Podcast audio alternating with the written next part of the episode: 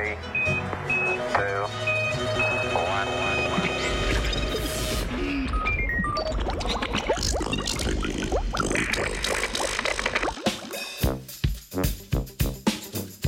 Samo organiziranje riževih pol.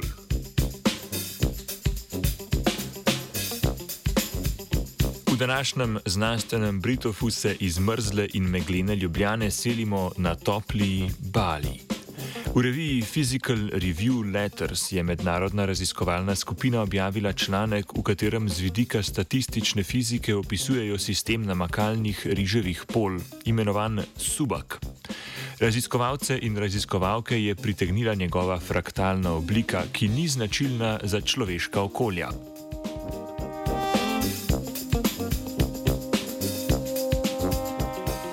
Subak je več kot tisočletje star namakalni sistem terasastih riževih pol. Zgrajen je iz mreže predorov, kanalov ter jezov, pa tudi vasi in templjev.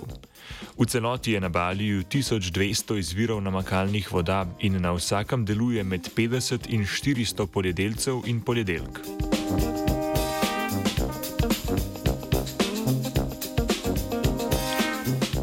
Z opazovanjem satelitskih posnetkov je znanstvena skupina iskala vzorce v usklajenosti ciklov pridelave riža med sosednjimi nasadi.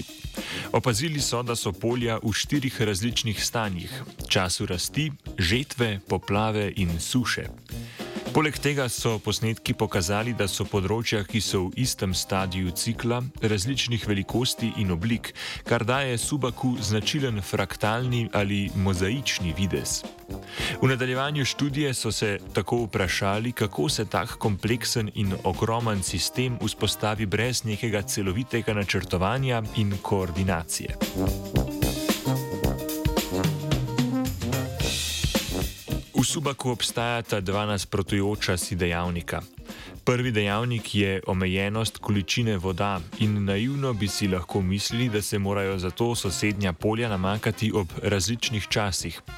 Vendar se po drugi strani pridelovalci riža srečujejo tudi s škodljivci, ki se lahko selijo na sosedna polja. Zato se morajo sosedi med seboj uskladiti in v enakih obdobjih poplaviti in izsušiti polja. Omejitvi, nasprot, omejitvi kako pač imata nasprotni učinek. Večja kot je površina pol z enakim urnikom, težje je potrebe vode zmanjšati le z zamikanjem ciklov sosednjih pol. Tako morajo biti urniki zalivanja vsakega polja v enem od dveh stanj glede na njegove sosede, povsem usklajeni ali neusklajeni.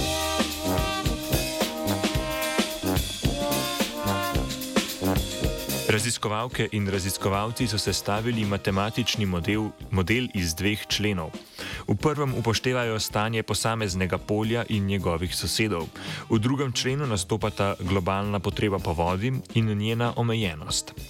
V svoji raziskavi so parametre obeh dejavnikov spreminjali in opazovali fazne prehode ter pogoje, pri katerih sistem preide v ravnovesje. S takim teoretičnim pristopom so raziskovalci prikazali, v kakšne različne vzorce bi se subak lahko razvil, če bi se kmetje drugače odzivali na potrebe poplavljanja pol ali če bi škodljivci na drugačen način poselili polja.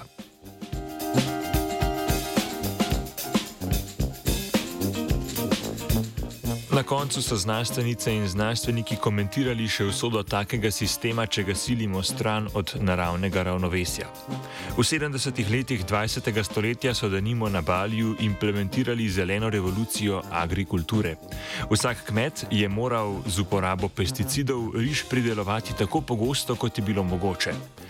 Na začetku je režim deloval in žetev se je povečala, vendar so po obdobju dveh let balijski pridelovalci in namakalni delavci poročali o katastrofalnem kaosu v vodnih urnikih in eksplozijah populacije škodljivcev.